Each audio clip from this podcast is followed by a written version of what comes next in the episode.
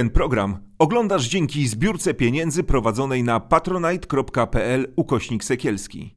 Zostań naszym patronem.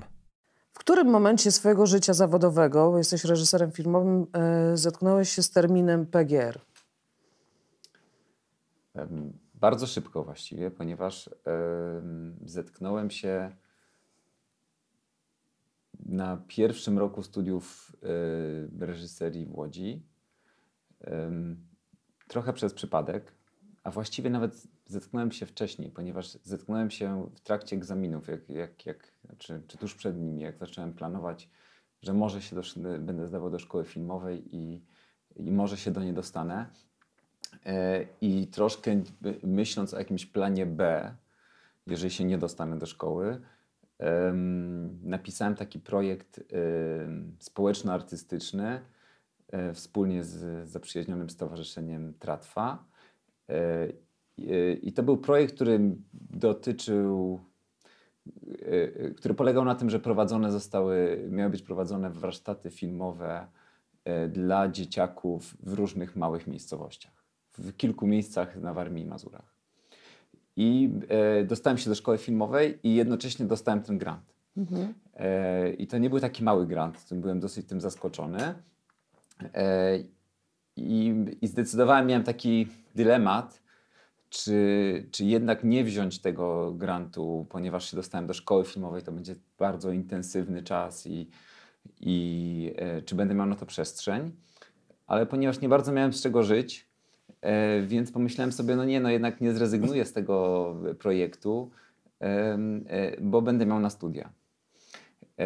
I I to było dosyć zabawne, ponieważ e, i, i to nie ja wybierałem te miejscowości, e, gdzie miałem prowadzić te warsztaty, tylko wybrało to stowarzyszenie i ludzie prowadzący to stowarzyszenie, którzy mieli już kontakty w kilku miejscach. I ja wtedy jeszcze nawet nie wiedziałem, pisząc ten, ten grant, że oni głównie funkcjonują w miejscowościach popegierowskich. Em, nie tylko, ale, ale, ale akurat tak się trafiło, że oni mnie wysłali do, e, do miejscowości, która się nazywa Rożyńsk e, e, na Mazurach. I to jest taka wieś półpegierowska, to znaczy są też takie gospodarstwa swoje indywidualne. indywidualne, ale, ale też jest cała część, która jest popegierowska. E, I to było bardzo zabawne, bo ten, ten projekt był dosyć długi, trwał rok. Dość intensywny, bo raz na dwa tygodnie, dwa dni. e, Byłeś tam? Byłem tam. I zabawne było to, że ja jeszcze wtedy nie bardzo potrafiłem robić filmy, więc robiłem taki, taką, taką metodę, robiłem jak czasami niektórzy, którzy, e, e, e, którzy prowadzą, którzy dają korepetycje. Znam takich ludzi, którzy tak robili, to znaczy uczyli się czegoś sami wcześniej przez tydzień czy dwa w domu. Ja się tak uczyłem czegoś w szkole filmowej. Potem, potem jechałem tam i razem z tymi ludźmi to próbowałem ich, e, im to przekazać i coś, coś z tego zrobić i wyszło to super. I wyszło to świetnie i Ale jaki był finał? Bo, y, i, I też chciałam zapytać się o to pierwsze zderzenie, bo y, jechałeś też, w, w głowie miałeś jakieś stereotypy dotyczące tej społeczności, bo jednak to naznaczenie, właśnie stereotyp, mity y, ludzi z PGR-ów, one są wciąż obecne niestety w y, przestrzeni publicznej, a początek lat 90. no to już było wybitnie, wy, wybitne naznaczenie. To znaczy, to troszkę było tak, że ja, ja, ja, ja jakoś dowiadywałem się na miękko o, o tym, czym jest naprawdę PGR, e, ponieważ, ponieważ ta pierwsza miejscowość, w której byłem, była taka mieszana i nie była tylko i wyłącznie PGR-owska, więc ja jeszcze tego nie odczułem pierwszej kolejności, e, co to jest za miejsce i, i co to znaczy wieś popegierowska, czy społeczność e, popegierowska.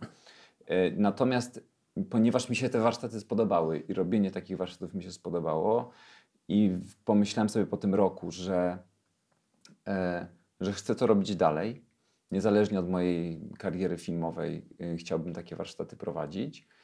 E, I wtedy z, z, wspólnie z różnymi znajomymi, ponieważ te warsztaty polegały na tym, że, że przyjeżdżały dzieciaki na te dwa dni z różnych miejscowości obok. E, I, e, i W jakim wieku to było? no To, tak szkoła między- podstawowa? no myślę, to byli nastolatkowie tacy między 12 a 15 lat. Czyli już w sumie nie, nie tacy młodzi, w sensie nie tacy mali ludzie. Mhm. Em, I, e, I ponieważ przez rok już jakby spędziłem czas z młodzieżą z kilku miejscowości, to pomyślałem sobie, że, że, że wezmę teraz mapę okolicy i, i zaznaczę sobie na tej mapie, skąd ci ludzie byli. E, I tak sobie zaznaczyłem, że z tej miejscowości dwie osoby przyjeżdżały, z tej miejscowości trzy, z tej miejscowości pięć i tak dalej, i tak dalej. I nagle się zorientowałem, że najbliższa miejscowość tej, tej wsi, w której prowadziłem te warsztaty, e, że stamtąd nikt nie przyjeżdżał. A była to mhm. najbliższa sąsiadująca miejscowość.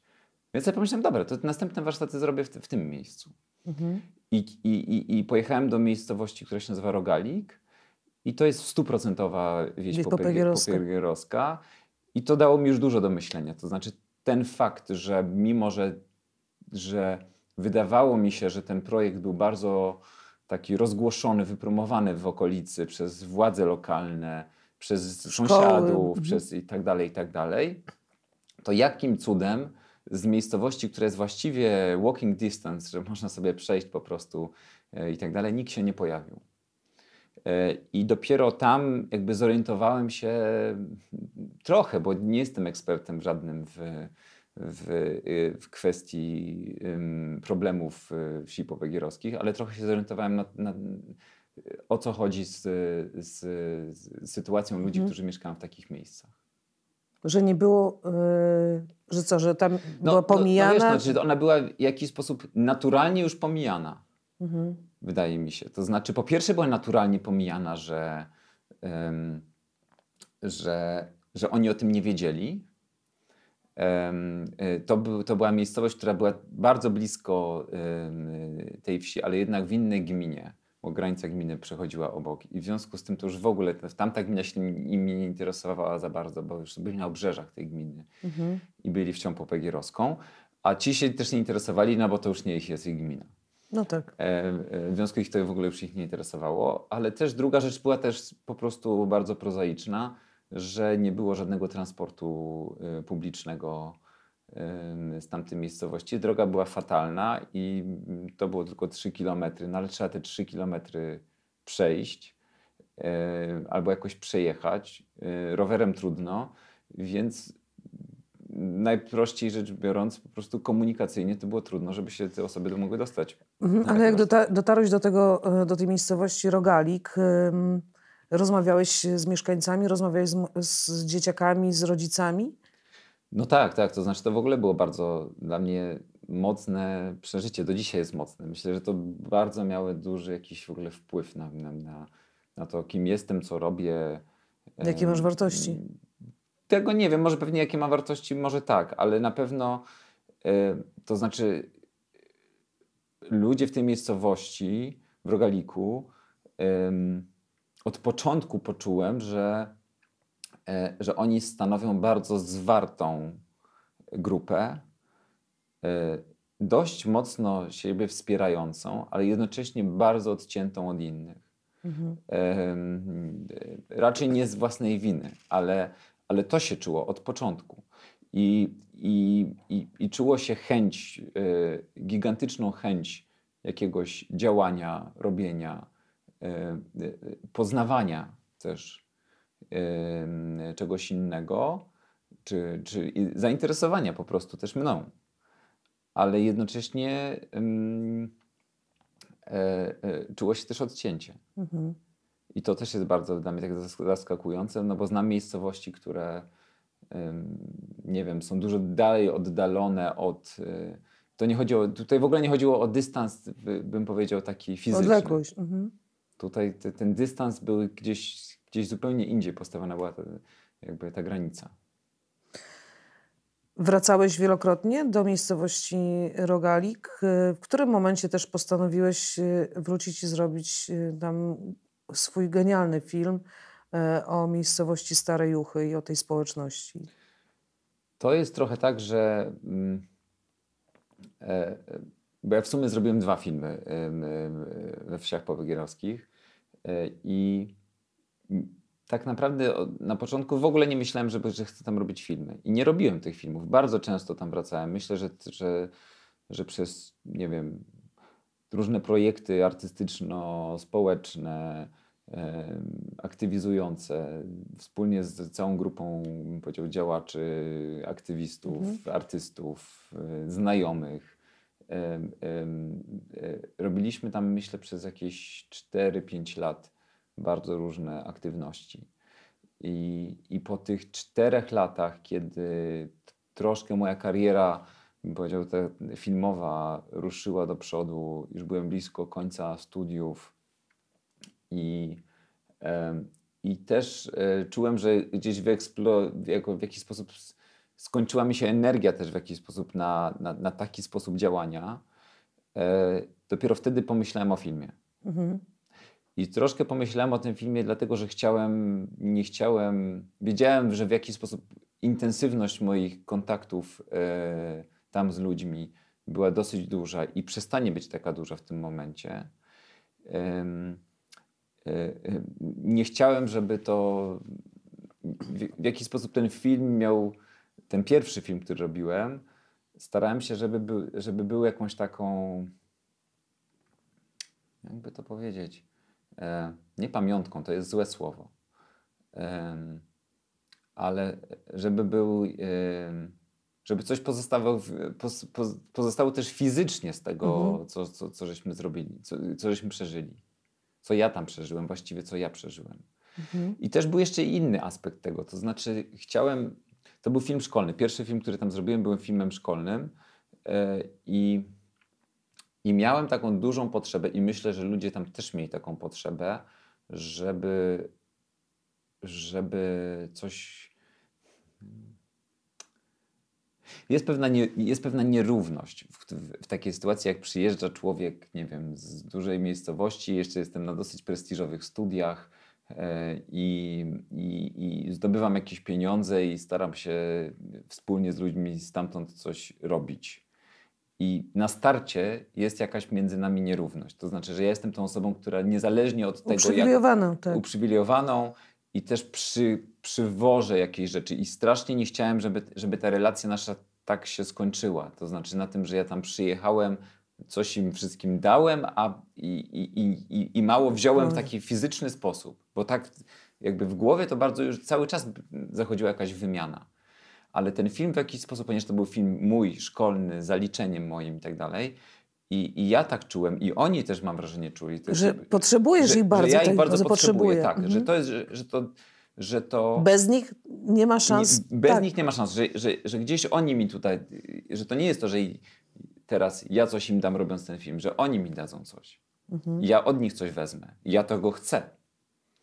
Yy, I oni mi mają pomóc.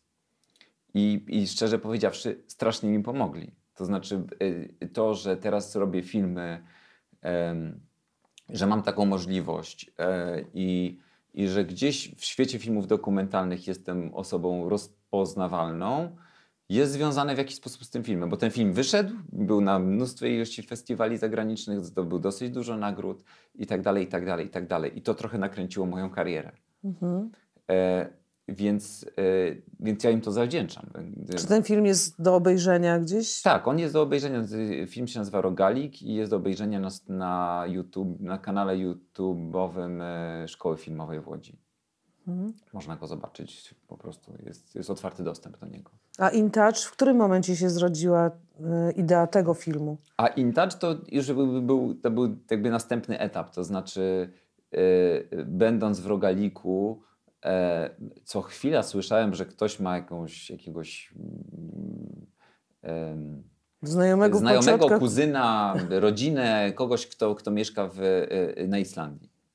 I w ogóle słowo Islandia w tym miejscu, w małej miejscowości, jednak stuosobowej, bo to jest, jest ma, tak, mała wieś. E, I, i, w której też funkcjonował PGR. W której też funkcjonował PGR, oczywiście.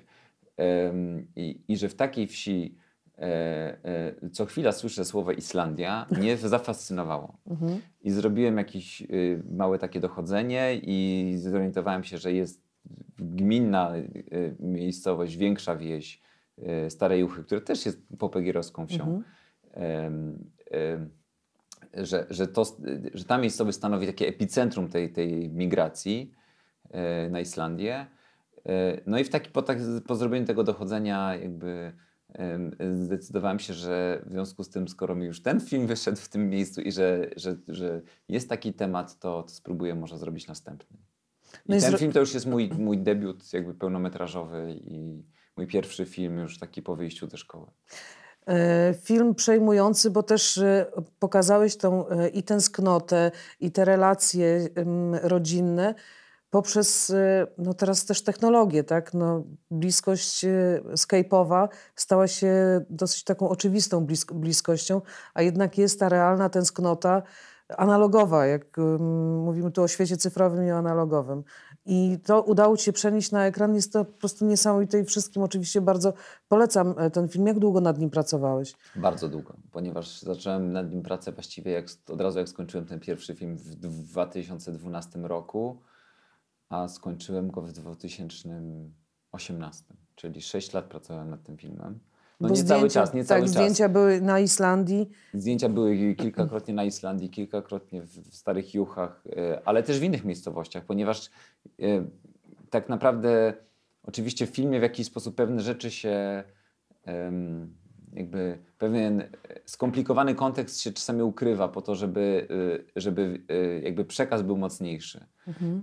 Natomiast tak naprawdę bohaterowie mojego filmu, a tych bohaterów jest bardzo dużo, są z bardzo różnych tam miejscowości, okolicznych miejscowości popegierowskich najczęściej. E, mm, I, to są osoby, które po prostu mają być swoich bliskich na Islandii.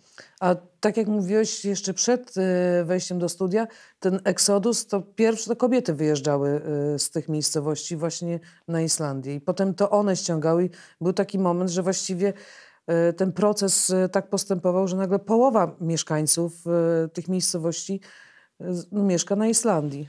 No, w tej, tak, to znaczy e, e, historia, jak do tego doszło, że taka duża ilość e, mieszkańców okolicy wyjechała na Islandię, jest rzeczywiście fascynująca. I zaczęła się od jednej kobiety, która poznała przypadkowo Islandczyka i tuż przed stanem wojennym wyszła za niego za mąż i wyjechała na Islandię. Tydzień przed wprowadzeniem stanu Ty, mówiłeś. Przed, stanu, przed wprowadzeniem stanu wojennego. E, natomiast e, w latach 80. to tylko jej najbliższe osoby wyjechały na tą Islandię, ale już w latach, na początku lat 90., jak padły wszystkie PGR-y, ludzie potracili pracę, e, to ona wraz, to ta właśnie pierwsza, ta, ta, ta pionierka, mhm.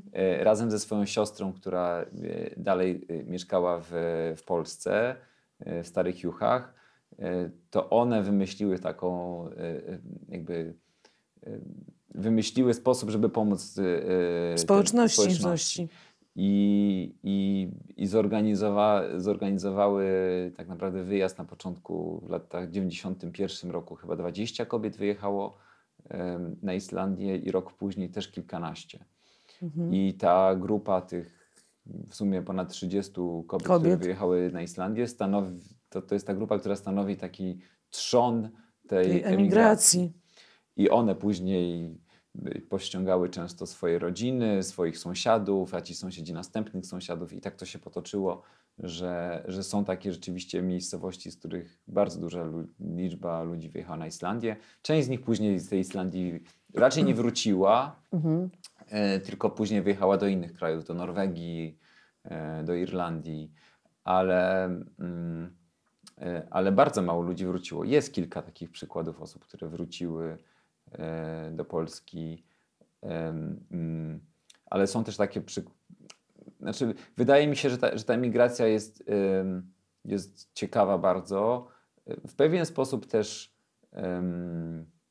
tragiczna to jest złe słowo, bo ona jest udaną emigracją, ale myślę, że, że ludzie wyjeżdżali z pewnym celem takim konkretnym, że, że, że wyjadą, nie wiem, zarobić na wesele, albo na swój pierwszy biznes, albo mhm. na wybudowanie domu. Wyremontowanie, wyremontowanie czy, czy, czy, czy, coś takiego. A później część osób, jak już zarobiła te pieniądze, e, wracała do, do, do swoich miejscowości i rzeczywiście, nie wiem, remontowała te domy, żeniła się, Mhm. czy wychodziła za mąż i tak dalej, i tak dalej, ale bardzo szybko oni się, te osoby się orientowały, że, że Tu nie ma perspektyw. że tu nie ma perspektyw i wracały później na Islandię i już wtedy zostawały tam na dłużej. Jak e, robiłeś zdjęcia na Islandii, to rzeczywiście ten eksodus e, migracyjny z Starej Juchy, em, no, ta miejscowość Stare Juchy jest znana w, w, na Islandii? No to jest rzeczywiście y, bardzo zabawne, ponieważ, y, mm, Island, ponieważ Polacy to jest największa mniejszość narodowa na Islandii. Jest mniej więcej między 15 a 20 20 tysięcy. Polaków, y, co stanowi nie wiem, 7 czy 8% populacji całej Islandii. Y, I więc Islandczycy co chwila spotykają Polaków wszędzie. Y, I rzeczywiście jest Skąd tak, jesteś? że, że, Stare Juchy. znaczy jest tak, że, że, że, że spotkałem się z takim wyobrażeniem kilku Islandczyków, że w Polsce są na przykład trzy duże miasta. Takie, które znają, tak? I że to jest, nie wiem, Warszawa, Gdańsk, bo tam stąd, stąd część osób jest z Warszawy i z Gdańska i Stare Juchy. Że to też jest Że duży to też jest ośrodek. taka duże, duże miasto, ponieważ no, często spotykają osoby, które są ze Starych Juch. Czy po tym twoim e, doświadczeniu, które rozpocząłeś już na wstępie pracy w szkoły filmowej, czy ono zaowocowało też jakimiś przyjaźniami? I czy masz takie więzy z tą społecznością właśnie popegierowską akurat w tym rejonie, czyli Rogalik, Stare Juchy? Y, To znaczy, ciężko mi jest powiedzieć, czy mam jakby kontakt, relacje ze społecznością, bo ciężko w ogóle ocenić, jak to znaczy ze społecznością, ale są. No bo to są, Są małe takie- miejscowości no tak. i one żyją rodzinnie, prawda? Ja zawsze mówię, że tam są bardzo silne więzy rodziny. Zresztą tak jak powiedziałeś, e, twoje pierwsze spotkanie w Rogaliku. Tak, że wszyscy się zeszli. znasz- Mhm. Wszyscy się zeszli, pamiętam, razem w takiej świetlicy, która już nie istnieje, bo, bo się rozpadła. Em, ale wtedy wszyscy się zeszli, cała wieś się zeszła. I, i pamiętam nie- niesamowite, bo ten pierwszy, ten pierwszy przyjazd do, do, do Rogalika był niesamowity. To znaczy też jakieś dzieci z, z, zrobiły jakiś występ no, dla nas i, i to było coś, coś takiego bardzo wzruszającego. Chociaż przyjechaliśmy tam po prostu, bez żadnego pomysłu jeszcze, co robimy. Mhm. Ale, ale co do tych relacji, to, to mam relacje, ale myślę, że to są, że, że po latach, ponieważ tam rzadko bywam, em, może w Starych Juchach częściej, w Rogaliku rzadziej, bo nie mam takich, e, w sensie może moje zawodowe po prostu e, życie już nie jest związane z, z Mhm. Rogalikiem. Em, więc, więc myślę, że te moje relacje są bardziej indywidualne. I są takie osoby stamtąd, z którymi mam kontakt. E, Jest chłopak ze Starych Juch, którego zatrudniłem w mojej firmie, który mieszka w Warszawie teraz. Jest kilka osób, którym, których tro... namówiłem to złe słowo, ale których wspierałem przy tym, żeby, e, żeby próbowali em, uczyć się dalej e, i, i pójść na studia albo coś innego robić. I, I część tych osób przeprowadziła się do Warszawy i, i z nimi mam kontakt. Em, No jak to w życiu bywa, no to znaczy... mm, Znaczy nie ukrywam, że też mam w sobie pewien wyrzut sumienia.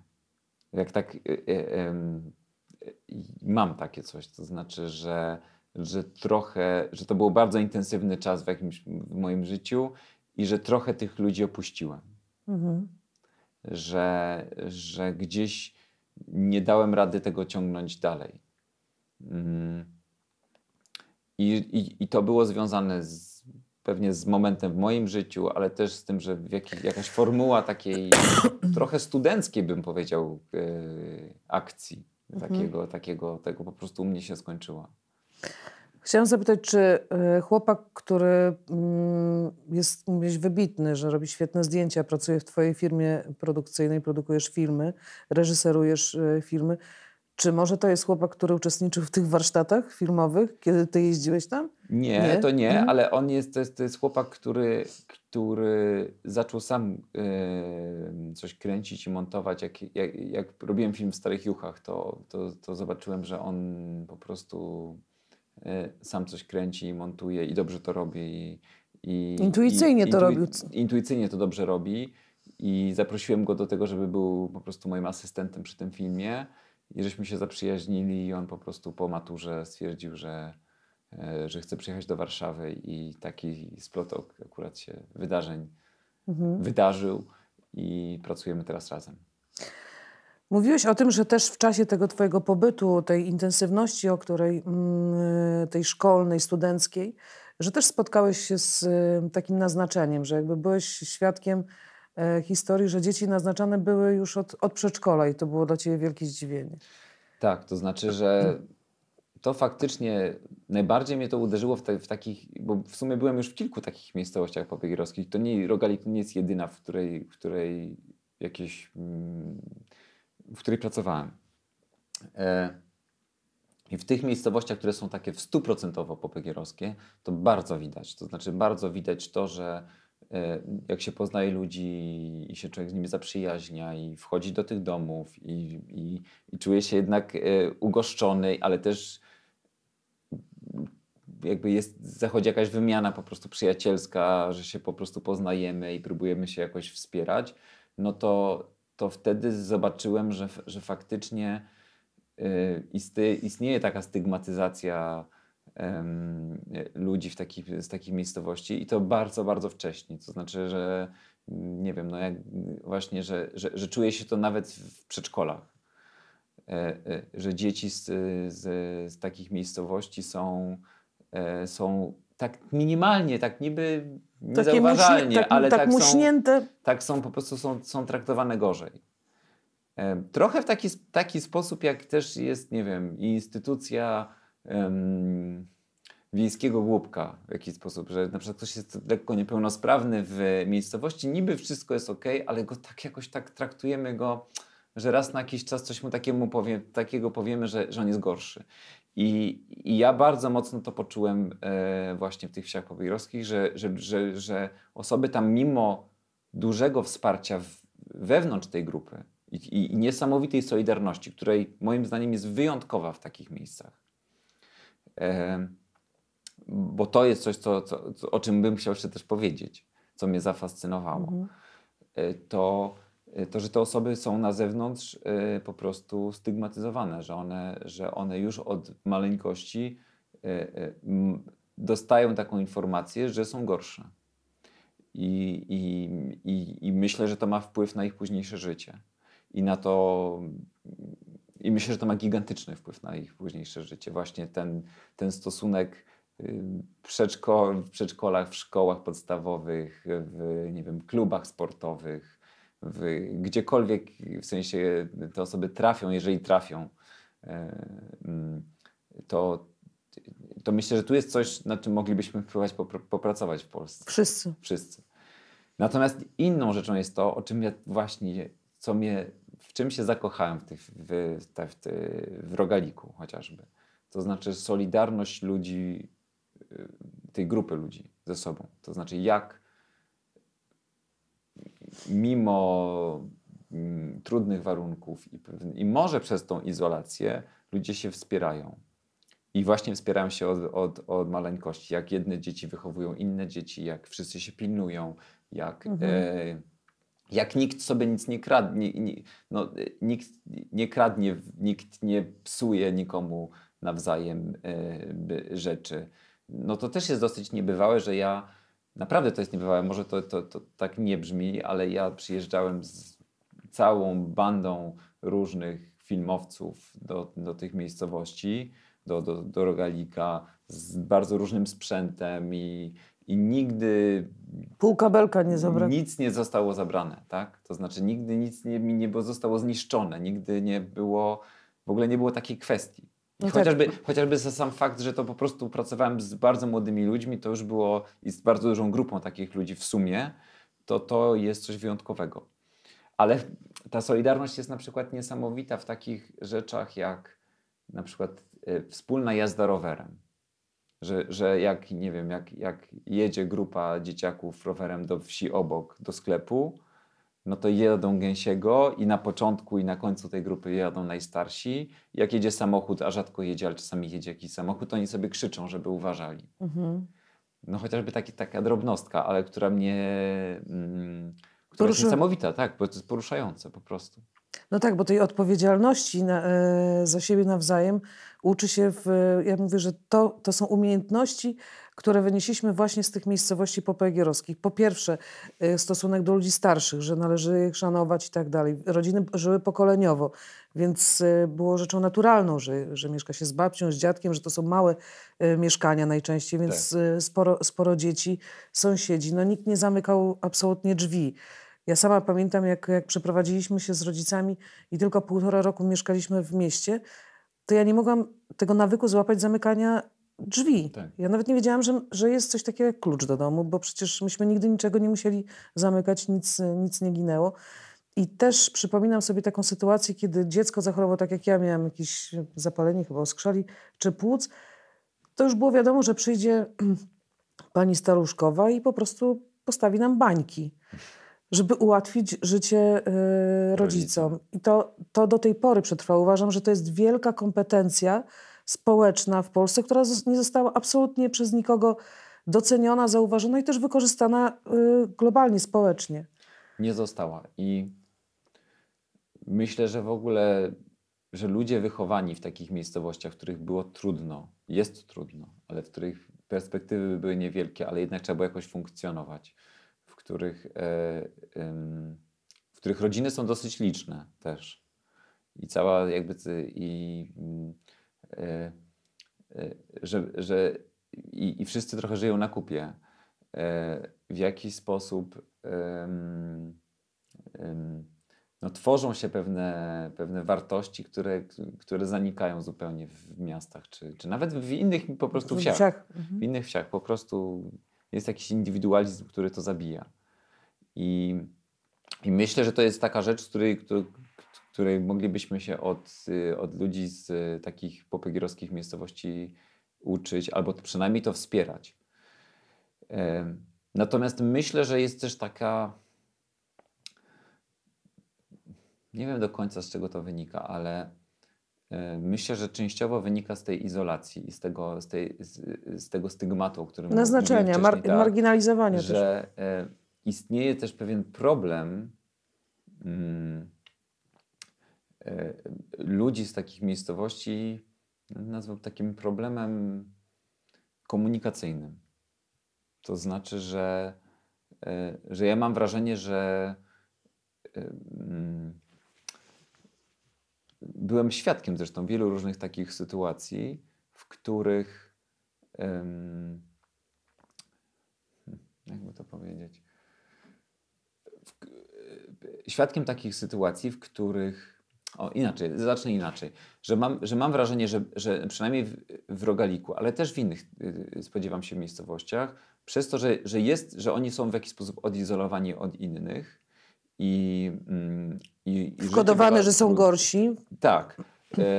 No ale też po prostu, że są, że w Tak. jakiś sposób są odizolowani, że wytwarza się coś w rodzaju takiego wewnętrznego języka tej wsi i ludzi komunikujących się w tej wsi.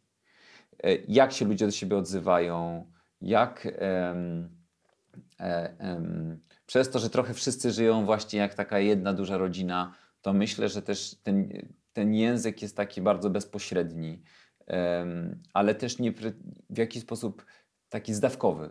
Mhm. E, I, e, I zauważyłem też coś takiego, że w wielu sytuacjach z osobami z zewnątrz, czy instytucjami z zewnątrz, to stanowiło jakąś gigantyczną barierę. barierę. To znaczy, że, że te osoby, mimo szczerych chęci i nawet dobrych umiejętności, nie dostawali wsparcia pracy, Pracy. czy czegoś takiego. Ale widziałem też tą sytuację, właśnie byłem świadkiem często takich sytuacji, że, że czułem, że po prostu ta osoba nie, nie wchodzi w tą konwencję rozmowy, którą, której druga strona oczekuje. I że, I że jest odbierana przez to albo za agresywną, albo za chamską em, i tak dalej. i tak Zbyt dalej. bezpośrednią, zbyt, Zbyt bez, bezpośrednią, tak. Taką trochę idącą na skróty, tak, taką właśnie jakbyśmy rozmawiali i, i, i bardzo dobrze o sobie wszystko wiedzieli. I myślę, że tutaj jest na przykład duża rola szkoły, żeby to zmienić. E, mm, Tak naprawdę. To znaczy, że wydaje mi się, że w gigantycznej mierze problem.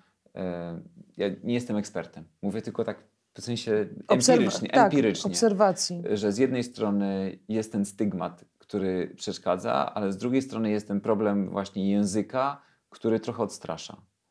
i y, języka tych ludzi, który trochę odstrasza innych, którzy nie są, nie mają takiej empatii, żeby, żeby zrozumieć, co dalej, co, co za tym dalej idzie. Mhm.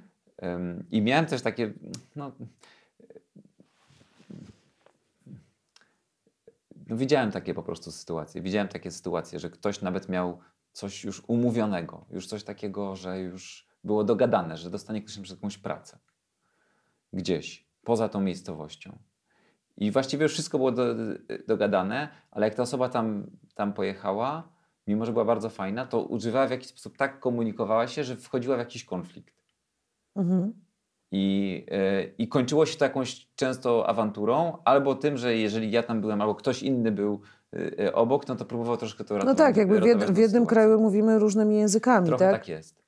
To, I... też, to też język, który powstał, żeby przetrwać w dużej mierze, właśnie język skrótu, e, żeby przetrwać w takich, w takich miejscowościach. Myślę, że tak jest. I, i to, to, jest też coś fascynującego dla mnie, to znaczy ten, że, że, ten język jest też taki, że on. Mm, bo on w jakiś sposób wydaje się agresywny na początku. Tak, mhm. jakby jak przyjdzie się z zewnątrz, tak, często i to, i to wydaje... też, I to też nie jest związane z wulgaryzmami, bo to nie, też nie. Nie, nie, to nie chodzi do końca o wulgaryzmy. Nie, nie, nie. Chodzi o to, że on jest taki, wydaje się taki ekspansywny, mhm. bardzo roszczeniowy um, i um, może nie bardzo, ale roszczeniowy, o, tak mhm. bym powiedział. Roszczeniowy i, i idący na skróty też. Mhm. Um, I myślę, że, że, że szkoła tego nie załatwia. Znaczy szkoła tego, bo pozostawia, jest, pozostawia tą sytuację sobie i, i, i, i, myślę, że też to, jakby to, to stanowi duży problem. Ja pamiętam taką sytuację, kiedy byłam w jednej właśnie z miejscowości popegierowskich, e, no i no, dzisiaj jest ta technologia, jest Facebook i tak dalej, no i y, jedna z dziewczynek, która miała chyba 13-14 lat, napisała do mnie na Messengerze, kiedy ja wyjechałam stamtąd, bardzo podobają mi się pani trampki. No więc ja napisałam dziękuję, no, że to jest y, komplement. A już za chwilę było, ale ja bardzo chciałabym takie trampki mieć. Mhm. Y, czy pani mogłaby mi te trampki y, sprezentować? I ja doskonale rozumiem to pragnienie dziecka, że bardzo chciała i tak dalej. I też rozumiem ten język skrótu. No jestem tak. stamtąd, tak. więc, więc tak. rozumiem. Dla kogoś innego może byłoby to właśnie odebrane jako brak wychowania, e, prawda, jakaś agresja, że co tutaj... A tu jest po prostu jedyna szansa, bo czasami jest tak, że naprawdę to, to wypowiedzenie e, może w sposób mało umiejętny, to jest jedyna szansa, żeby, żeby w ogóle z siebie coś wyrzucić, prawda? Żeby coś, no może to gdzieś tak. na podatny grunt e, padnie. A to jest za... świetny przykład. To jest mhm. dokładnie taki przykład, o, o, o, to są dokładnie takie sytuacje, o których ja mówię. Tak, i, do, i, i, myślę, że to, że my mamy jednak problem z tym, żeby być empatycznymi społecznie, chociaż uważam, że teraz ta pandemia trochę nas bardziej chyba tego nauczyła, bo cały czas mówię, że przecież początek lat 90. no nie było żadnej technologii, nie można było zrobić żadnej zrzutki, była jedna telewizja, no nikt nie było internetu i tak dalej. Któż wiedział o tym, że co się tam dzieje tak na dobrą y, sprawę w tych miejscowościach? Lepiej właśnie zmarginalizować, zostawić, niech tam sobie sami poradzą. Wielu polityków mówiło, że problem zostanie rozwiązany, poumierają i nie będzie y, problemu, a tymczasem ja uważam, że to jest grupa, która... Mm, no, która to, że przetrwała. Y, tutaj szczególnie ta rola kobiet, które były takimi siłaczkami w bezsilności, i to pielęgnowanie tych kompetencji, takich miękkich kompetencji, które dzisiaj są e, potrzebne, to, to są właśnie te, te były PGR-y, które mm, z tego miejsca chciałam Ci, Paweł, bardzo serdecznie podziękować, że Twoja praca, bycie tam, zaangażowanie i też opowiadanie tej historii, to jest ta walka, e, jesteś kolejną osobą, która łamie te stereotypy i te mity o, o społeczności, że po prostu to jest nieudolna, i nikomu niepotrzebna społeczność. Bardzo że, że leniwa, prawda? Tak, tak, tak, tak. Dzisiaj mówimy o tym, że jak człowiek ma depresję, to nie jest w stanie wstać z łóżka. A przecież Niektórzy to mówimy tylko. Tak. Niektórzy tak tylko mówią, a dalej nie myślą, że po prostu jest tak. leniwy. Tak, a początek lat 90., kiedy ta depresja, no tam to żniwo było potworne tej, tej choroby, ludzie nie byli w stanie wstać z łóżka, no to mówiło się o nich, że to są, o nich, że to są nieroby, że im się po prostu nie chce pracować. No, ale też jakby to też jest coś takiego niesamowitego, że, że wiesz, że, że jak tam przyjechałem i, i pracowałem z nie wiem, 15-latkami, 16-latkami, 14-latkami. Jakby dopiero sobie i, i, i pracowaliśmy w, jednak w tam w tych miejscowościach, e, w których naprawdę strasznie dużo rzeczy jest rozwalonych e, i, i niefunkcjonujących. No po prostu nic się po tym, po tym upadku tego PGR-ów nie, nie, Nie wydarzyło. Nie, nie wydarzyło. I jak człowiek sobie uświadomi, że, że ten 15 czy 16-latek właściwie innego świata nie widział, to nie jest Tylko to, że gruzy. on, że on kiedyś pamiętał, nie wiem, to, że tam, że, że, że te zakłady funkcjonowały, jak jeszcze jego rodzice, czy coś takiego. Tak, tak jak ja. Pamiętam te widoki, zapachy, te, ten rytm, dźwięki. Myślę, że w jakiś sposób takim osobom jest łatwiej. Mhm. Po prostu jest łatwiej, bo jeżeli masz jednak, pamiętasz coś, że jak coś funkcjonowało inaczej i to się rozpadło, to masz jakiś taki automatyczny sposób, żeby próbować odbudować to albo w swoim życiu, albo w życiu społecznym, e, e, żeby to odbudować.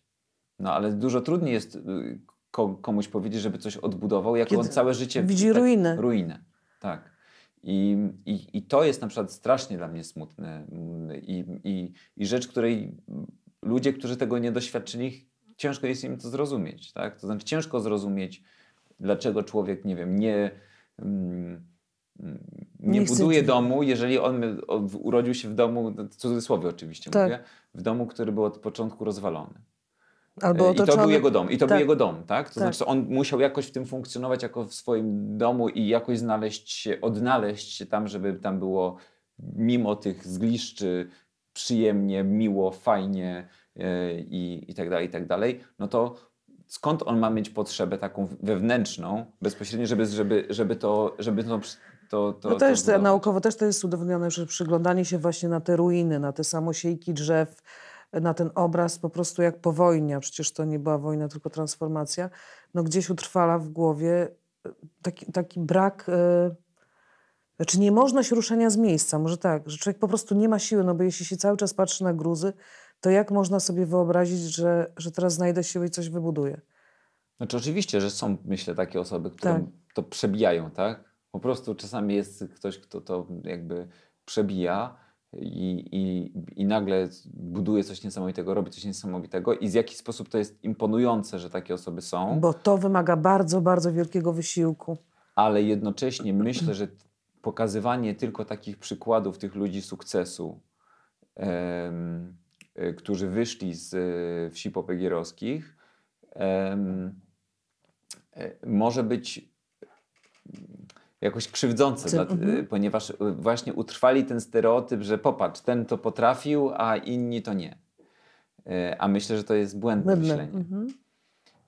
Więc to też jest dosyć ciekawe, że, że mm, trochę tak jak ten American Dream i od Pucybuta do milionera, no może tam jednemu się wydarzyło, ale ilu zostało gorzej niż Pucybutów później. Tak, i to jest właśnie brak systemowych rozwiązań i brak w ogóle jakiejkolwiek wizji w państwie i to wizji politycznej, społecznej dotyczącej przecież tak ogromnej liczby ludzi, bo przecież byłych pracowników było 500 tysięcy, a z rodzinami była to dwumilionowa grupa społeczna i ona wciąż jest bardzo dużą grupą społeczną.